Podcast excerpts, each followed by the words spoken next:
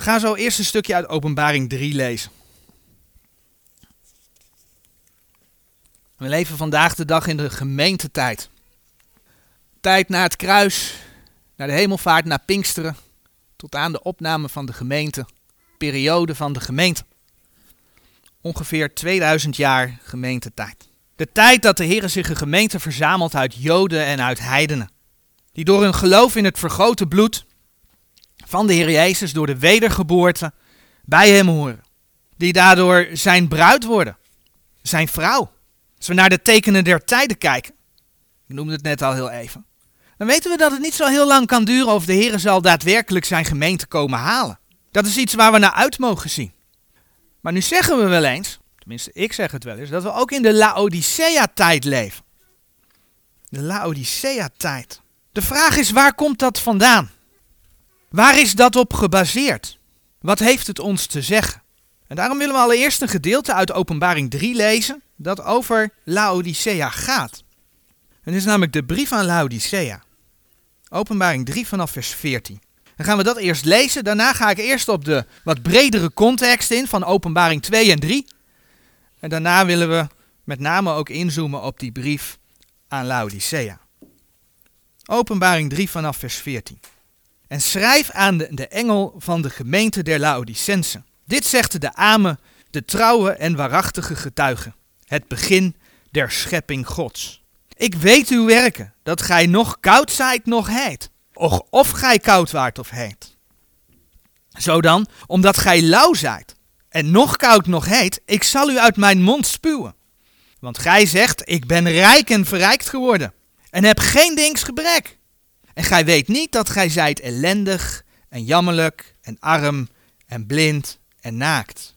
Ik raad u dat gij van mij koopt goud, beproefd komende uit het vuur, opdat gij rijk moogt worden, en witte klederen, opdat gij moogt bekleed worden, en de schande uw naaktheid niet geopenbaard worden. En zalf uw ogen met ogenzalf, opdat gij zien moogt. Zo wie ik lief heb, die bestraf en kastijd ik. Wees dan ijverig en bekeer u. Zie, ik sta aan de deur en ik klop.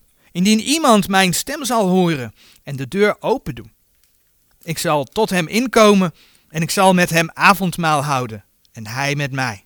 Die overwint, ik zal hem geven met mij te zitten in mijn troon, gelijk als ik over, overwonnen heb en ben gezeten met mijn vader in zijn troon. Die oren heeft, die horen wat de geest tot de gemeente zegt. Als we naar Openbaring 2 en 3 kijken, naar de historische setting zeg maar, dan zien we dat daar zeven brieven geschreven zijn aan zeven engelen van zeven gemeenten.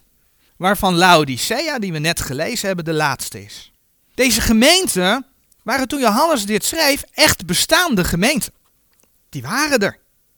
Het is dus allereerst gewoon historisch wat we lezen. Maar vaak zien we dat Bijbelteksten naast het feit dat ze een historische betekenis hebben, ook een leerstellige betekenis hebben, ook een geestelijke betekenis hebben. En dat geldt ook voor Openbaring 2 en 3. Wanneer je Openbaring 2 en 3 leest, dan zie je dat daar dingen in staan die letterlijk leerstellig niet op ons als gemeente van toepassing kunnen zijn. Ik ga daar straks een enkel voorbeeld van geven. En de conclusie is dan dat Openbaring 2 en 3 leerstellig bedoeld zijn voor gemeenten in de grote verdrukking. Dat is een periode die nog gaat komen als de gemeente van de aarde opgenomen is. Maar dan is er ook een geestelijke toepassing. Ook wij als gemeente kunnen er lessen uit leren. Als je bijvoorbeeld, en dan bedoel ik niet het Bijbelboek Efeze, maar de brief aan Efeze in Openbaring 2, Openbaring 2 vers 1 tot en met 7, als je die bekijkt, dan zie je dat de Heer zegt dat de mensen in Efeze de eerste liefde verlaten hebben. Nou, dan mogen wij zelf ook een les uittrekken. Kunnen we onszelf de vraag stellen, heb ik de eerste liefde tot de Heer en zijn woord nog? Heb ik die nog? Daar mag je over nadenken. En het mooie is, als we het over die geestelijke betekenis van openbaring 2 en 3 hebben, dan zie je dat de Heer in openbaring 2 en 3 profetisch de ontwikkeling van het christendom in de gemeentebedeling heeft gegeven. En dat is eigenlijk best wel mooi om te zien.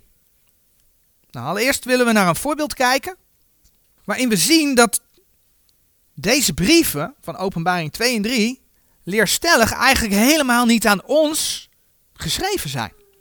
Degenen die bij de Bijbelstudiedag in Goor geweest zijn, van de Bijbelgelovende Baptisten, hebben mij toen ook een voorbeeld horen noemen.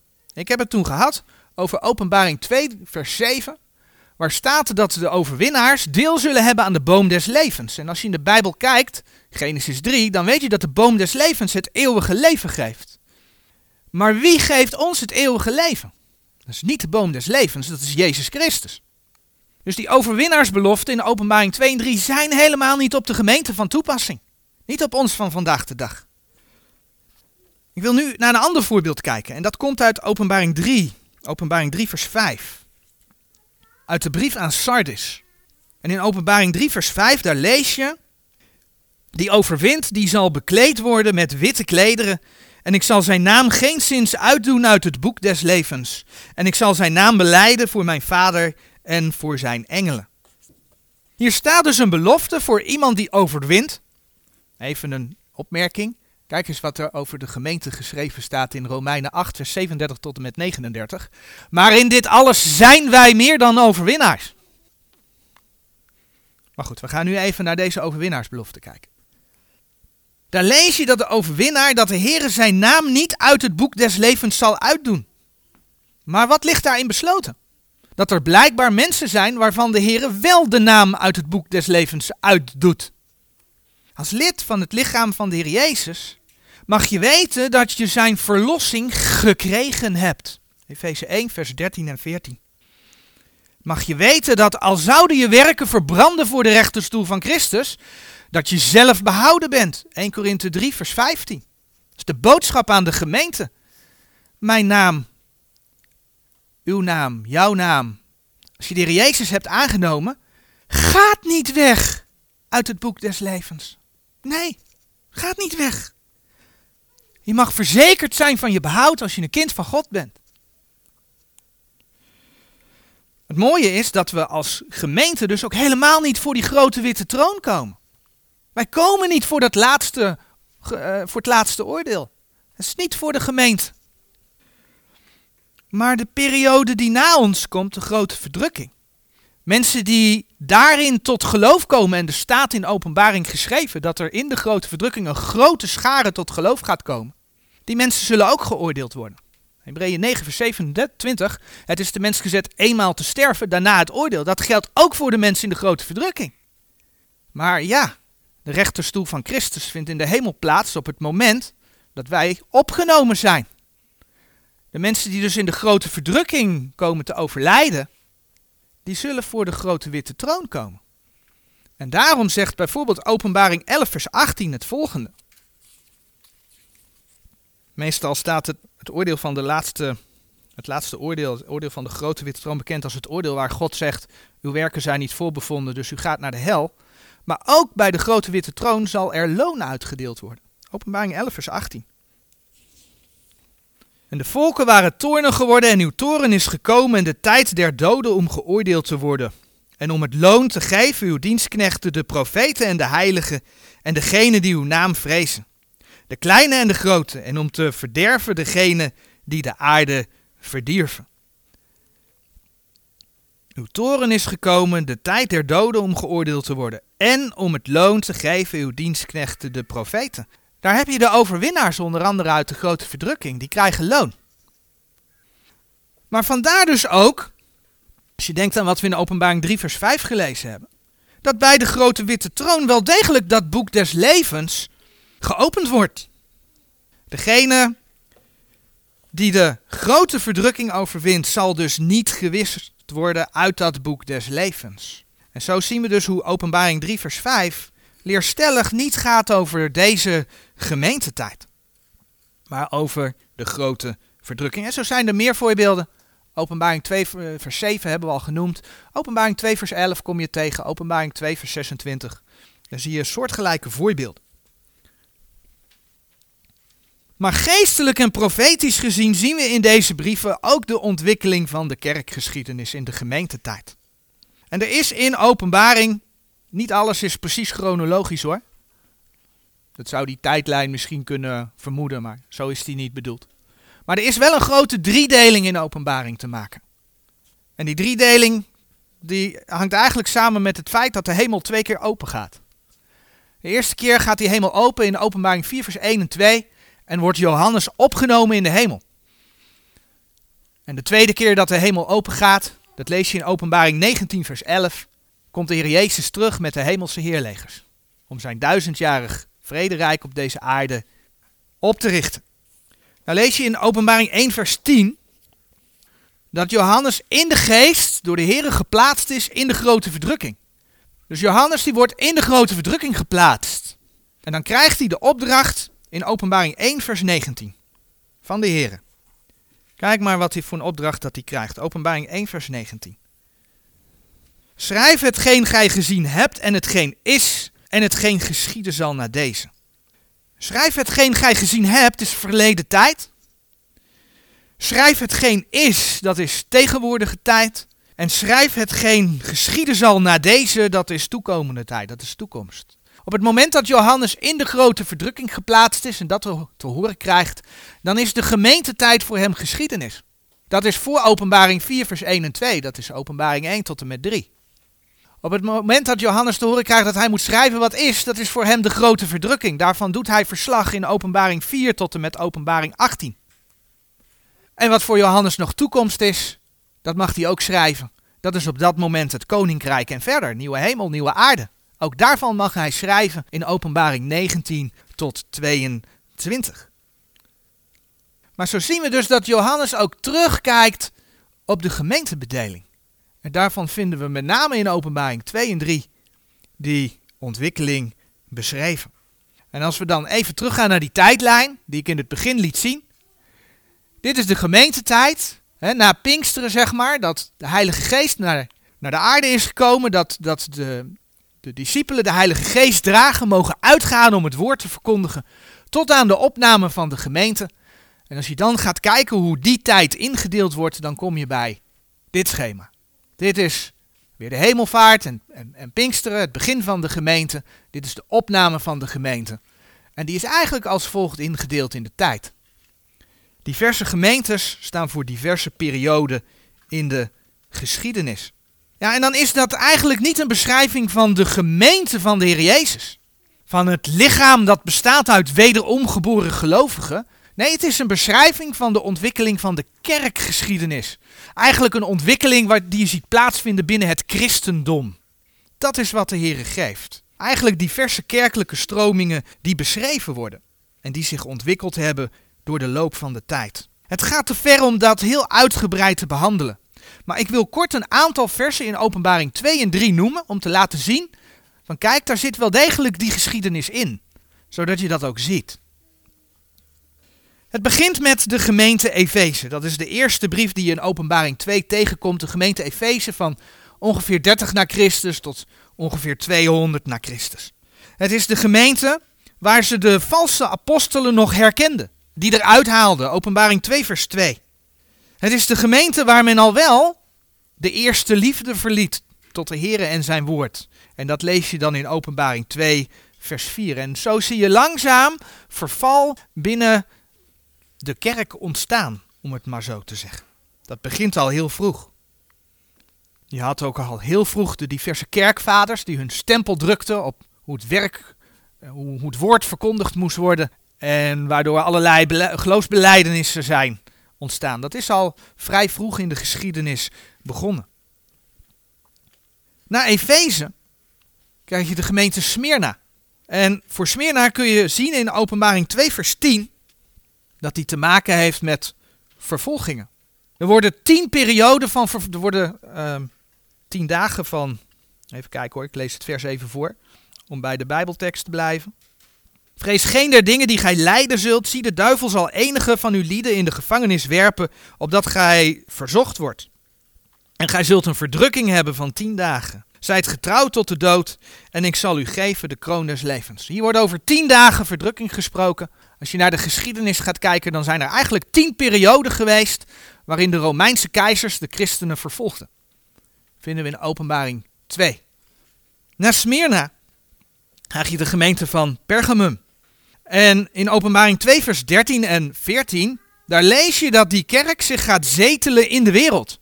Daar waar de troon des Satans is, staat er geschreven.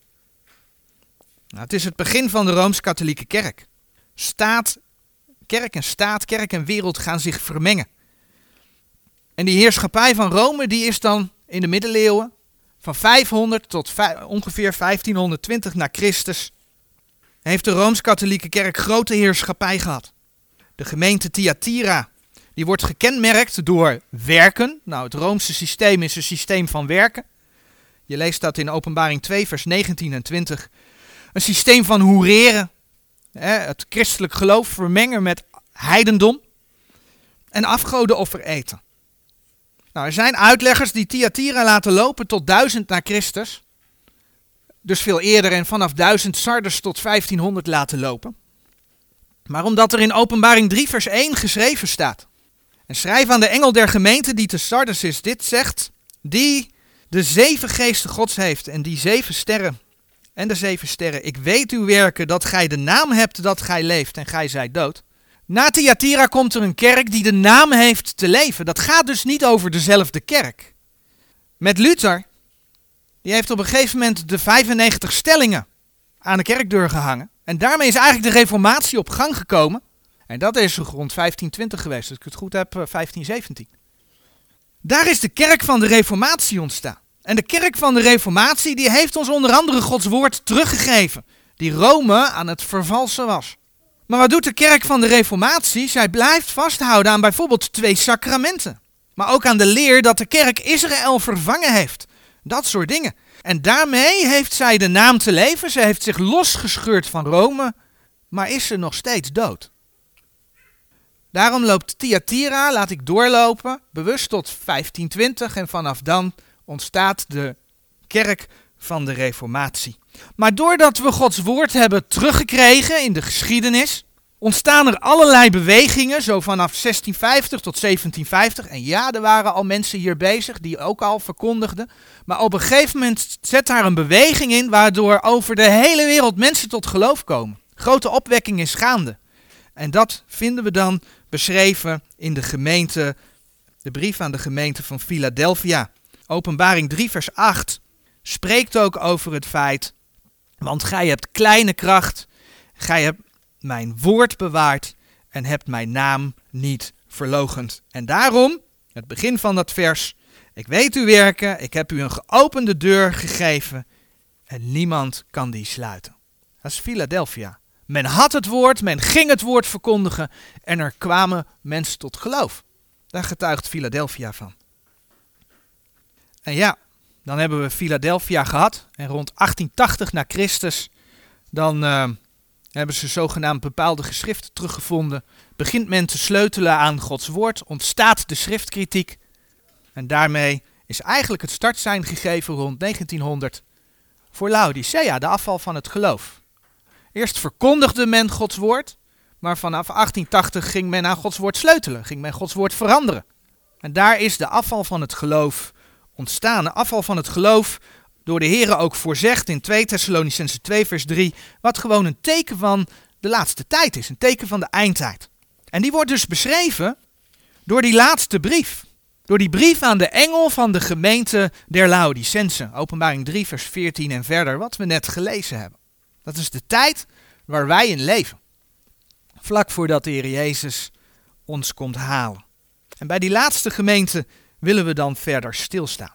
Nou, waar wordt Laodicea door gekenmerkt? We hebben het in vers 17 van Openbaring 3 gelezen. Want gij zegt, ik ben rijk en verrijkt geworden en heb geen dings gebrek.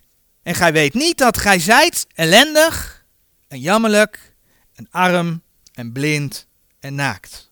Dat zegt de Heer over Laodicea. Eigenlijk houdt de Laodicea-gemeente zichzelf voor de gek. Ze denken rijk te zijn, want dat is wat ze zeggen. We zijn rijk. Kijk ons eens rijk zijn. Maar de Heere zegt, jullie zijn het tegenovergestelde. En ze zijn niet alleen arm, maar ze zijn ook nog eens blind. Ellendig. Dat is wat de Heere zegt. Dat is een typering van de tijd waarin wij leven. Geldt dat voor een ieder? Nee, dat geldt niet voor een ieder. Maar dat is wel hoe de Heer deze tijd typeert. Zullen we straks nog zien dat dat niet voor een ieder geldt.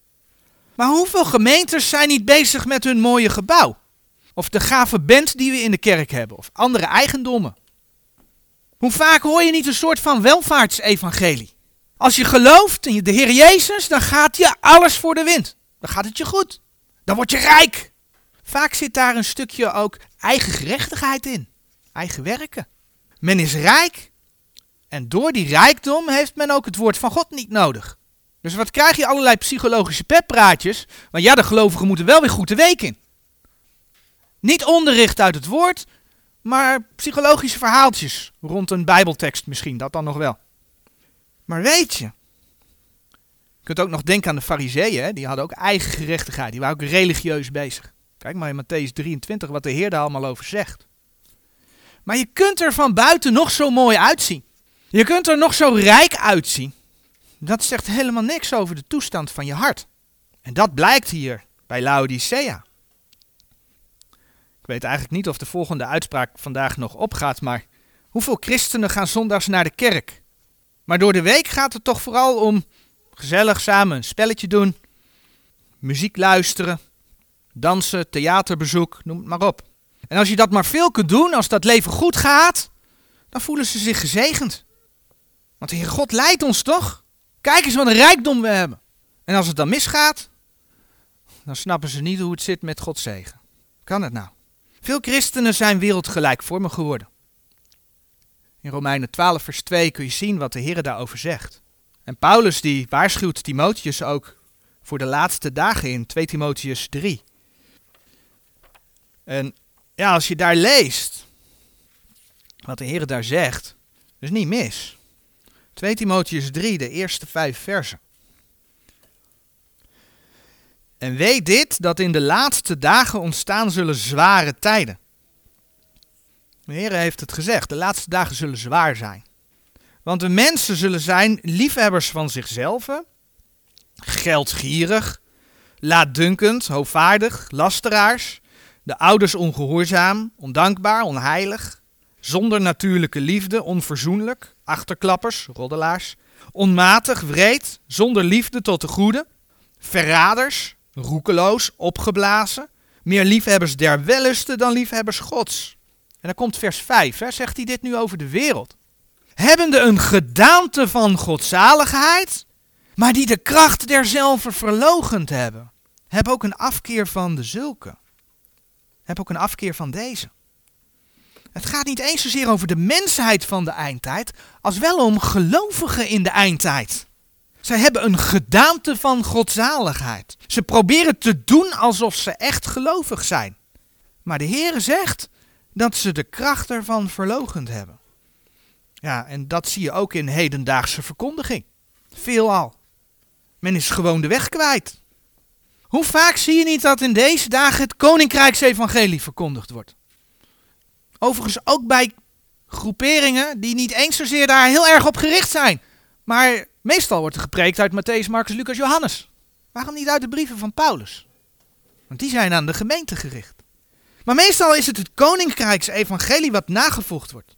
Het evangelie dat de Heer Jezus en de discipelen verkondigden toen de Heer Jezus op aarde was, waarvan de Heer Jezus zei, Matthäus 10, vers 6 en 7, ga naar het huis Israëls, ga niet naar de heidenen. Hey, maar wij zijn toch uit de heidenen? En dan is men vaak ook gericht op het gevoel. Men wil grote tekenen en wonderen zien, omdat de Heer Jezus en de discipelen die ook deden. Maar dan komt hij weer, men beseft niet dat de Heer Jezus die tekenen en wonderen deed, Matthäus 8, vers 16 en 17, om te laten zien dat hij de beloofde Messias was. Matthäus 8, vers 16 en 17. Hij deed die tekenen en die wonderen en de mensen konden weten, daar loopt de Messias. Daarvoor waren die. En dan laat de Heer in 1 Korinthe 4, vers 9. Ik, ik, besef dat ik er een beetje snel doorheen ga, maar ik, wil een beetje deze tijd schetsen.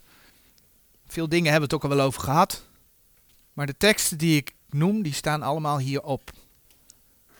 En dan zegt de Heer in 1 Korinthe 4 vers 9 dat er laatste, 4 vers 9, dat er laatste apostelen geweest zijn.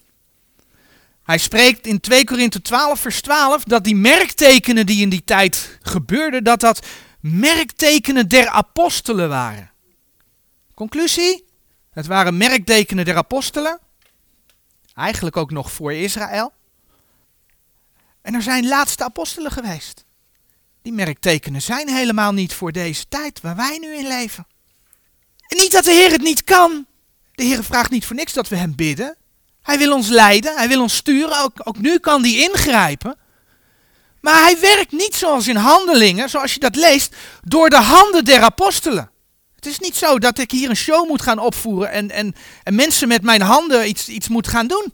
Dat is niet de opdracht die we hebben. Dat gebeurde wel in handelingen in het begin. We leven nu, we hebben vanmorgen die tekst gezien, 2 Korinthe 5 vers 7, door geloof en niet door aanschouwen. Die hele wonder- en tekenenbeweging heeft ertoe geleid dat mensen op hun gevoel zijn gaan geloven. Want als het goed voelt, dan is het goed, dan komt het van God. Positief denken. Door je gedachten op iets te focussen, zou je dan van de Heer iets gedaan kunnen krijgen. Maar zo werkt het niet. Ik heb ooit het verhaal van iemand gehoord, en die vertelde heel serieus, was op, eh, blijkbaar op opwekking. En uh, die persoon die vertelde dat uh, er zou die nacht storm komen. Uh, de festivalopwekking hè, met Pinksteren, kennen we denk ik wel. Er zou die nacht storm komen. En wat zijn ze gaan doen? Ze zijn zeven rondjes om de tent gaan lopen. Dat is ook heel populair. Tegenwoordig doen ze in grote steden ook.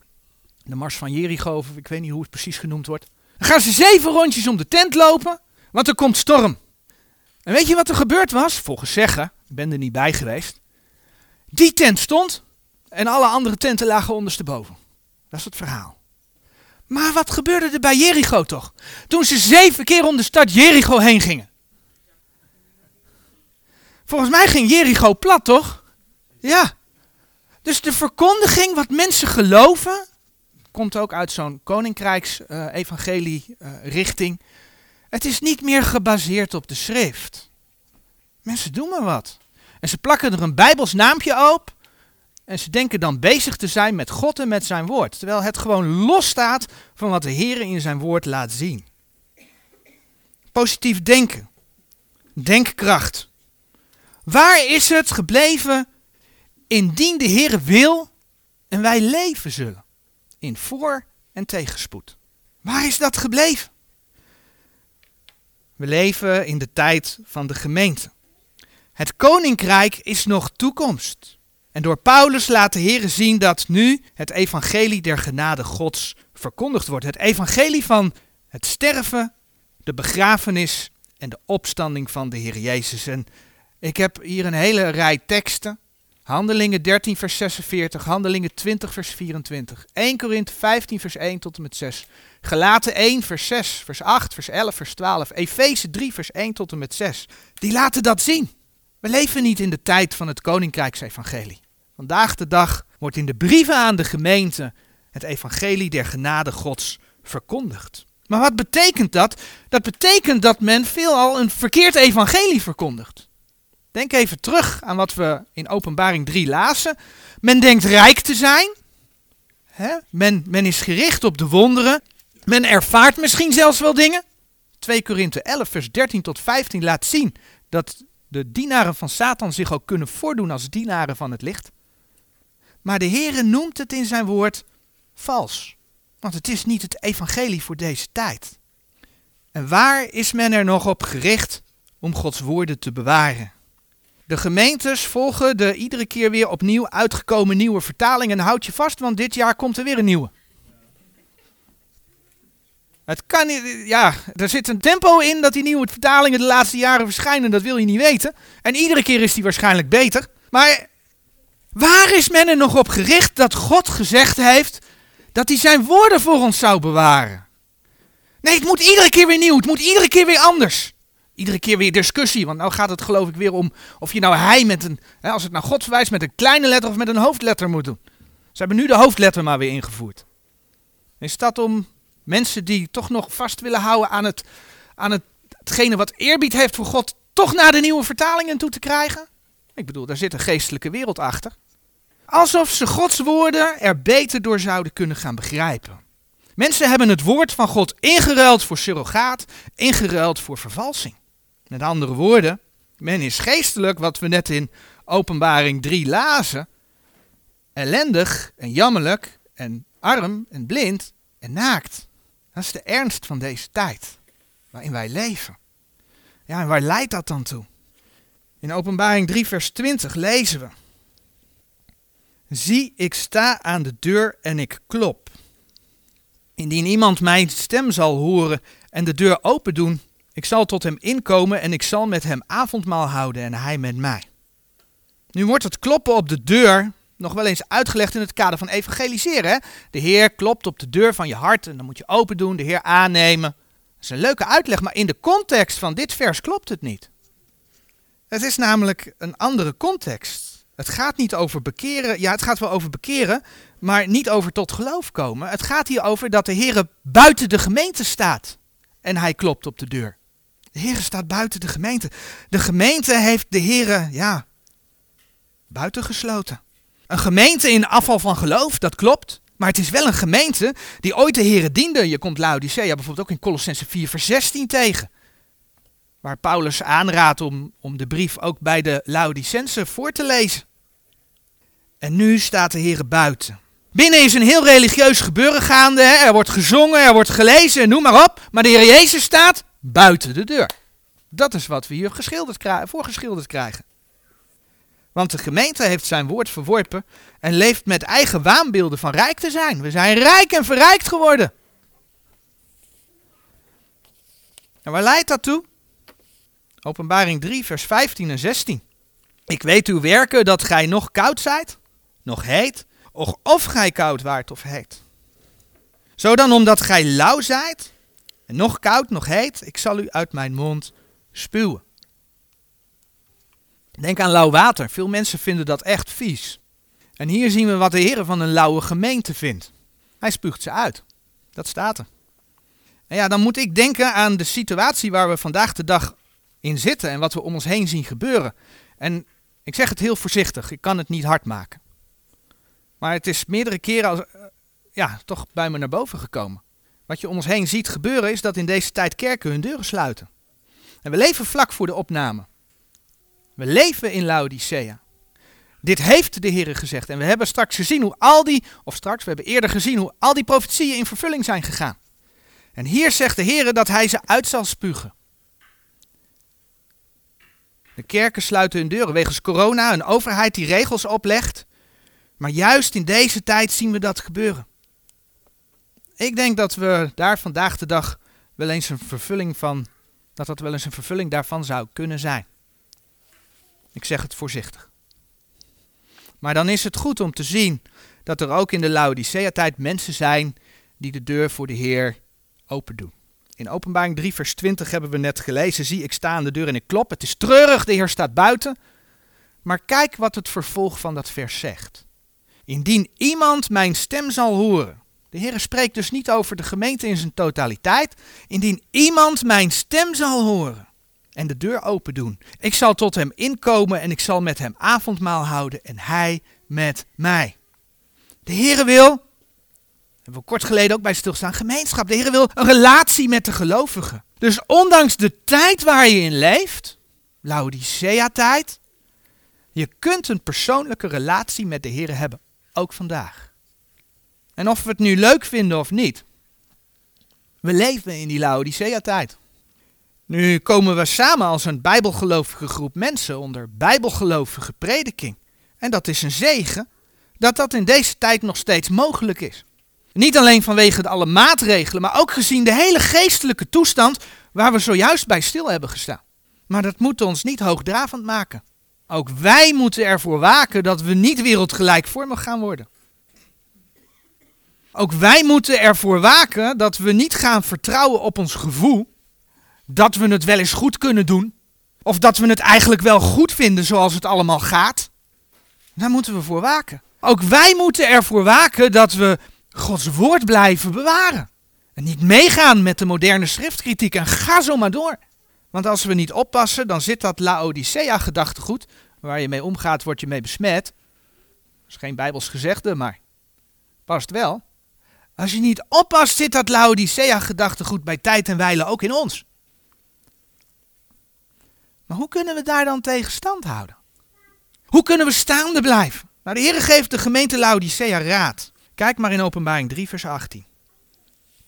Ik raad u dat gij van mij koopt goud, beproefd komende uit het vuur, opdat gij rijk moogt worden en witte klederen, opdat gij moogt bekleed worden en de schande uw naaktheid niet geopenbaard worden. En zalf uw ogen met ogenzalf, opdat gij zien magt. Maar wat moeten we ons daar dan bij voorstellen? Wat is dat goud? Wat zijn die klederen? Wat is die ogenzalf? Nou, allereerst spreekt de Heer over het kopen van goud, beproefd komende uit het vuur, opdat gij rijk moogt worden. De, de Laodicensen waren arm, naakt, blind, jammerlijk, ellendig. Dus de Heer geeft, zegt ze iets te kopen waardoor ze rijk worden. Goud beproefd komende uit het vuur. En kijk dan eens wat de Heer zegt in 1 Petrus 1 vers 7.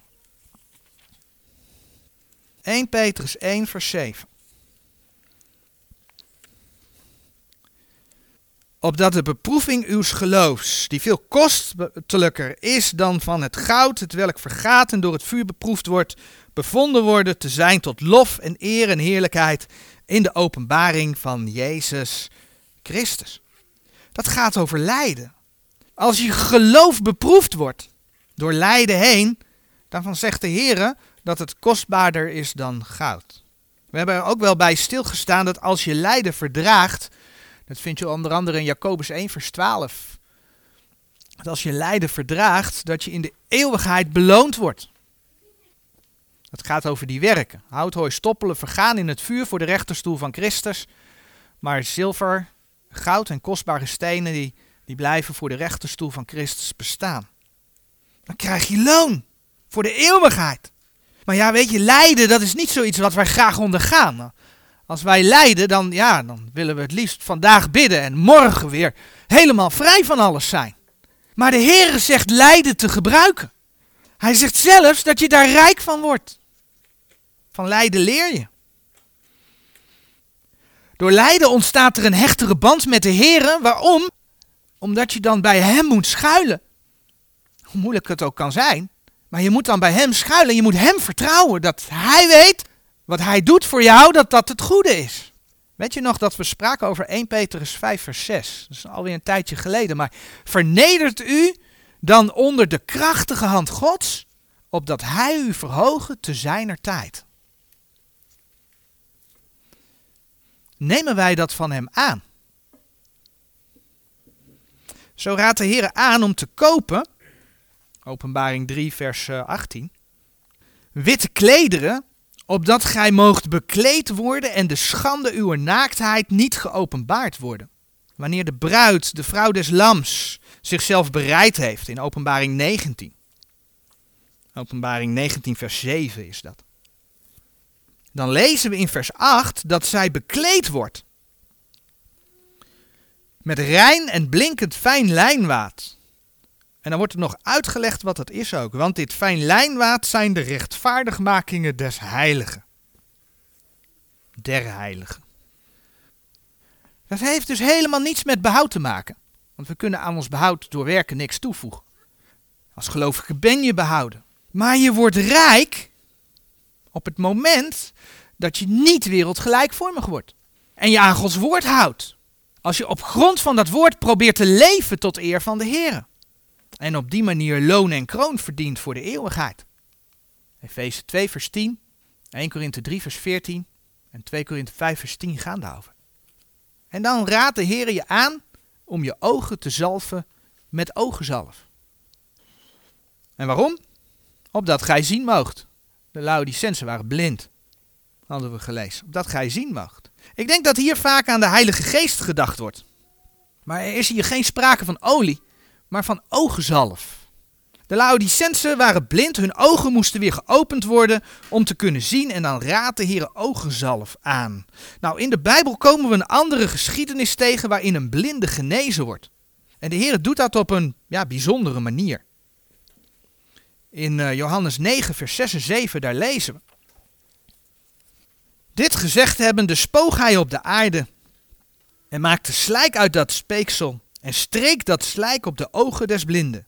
En zeide tot hem, ga heen, was u in het badwater Siloam, met welk overgezet worden uitgezonden. Hij dan ging heen en wies zich en kwam ziende. Toen de Heer Jezus de mens schiep, schiep hij de mens uit stof, maar ook uit water. Als je in Johannes 3, vers 5 gaat kijken, dan lees je dat de mens uh, geboren moet worden uit water en geest. Nou, dat geboren uit water, dat is gewoon je, je, je, de vleeselijke geboorte van je lichaam. Dat blijkt ook uit de context van Johannes 3.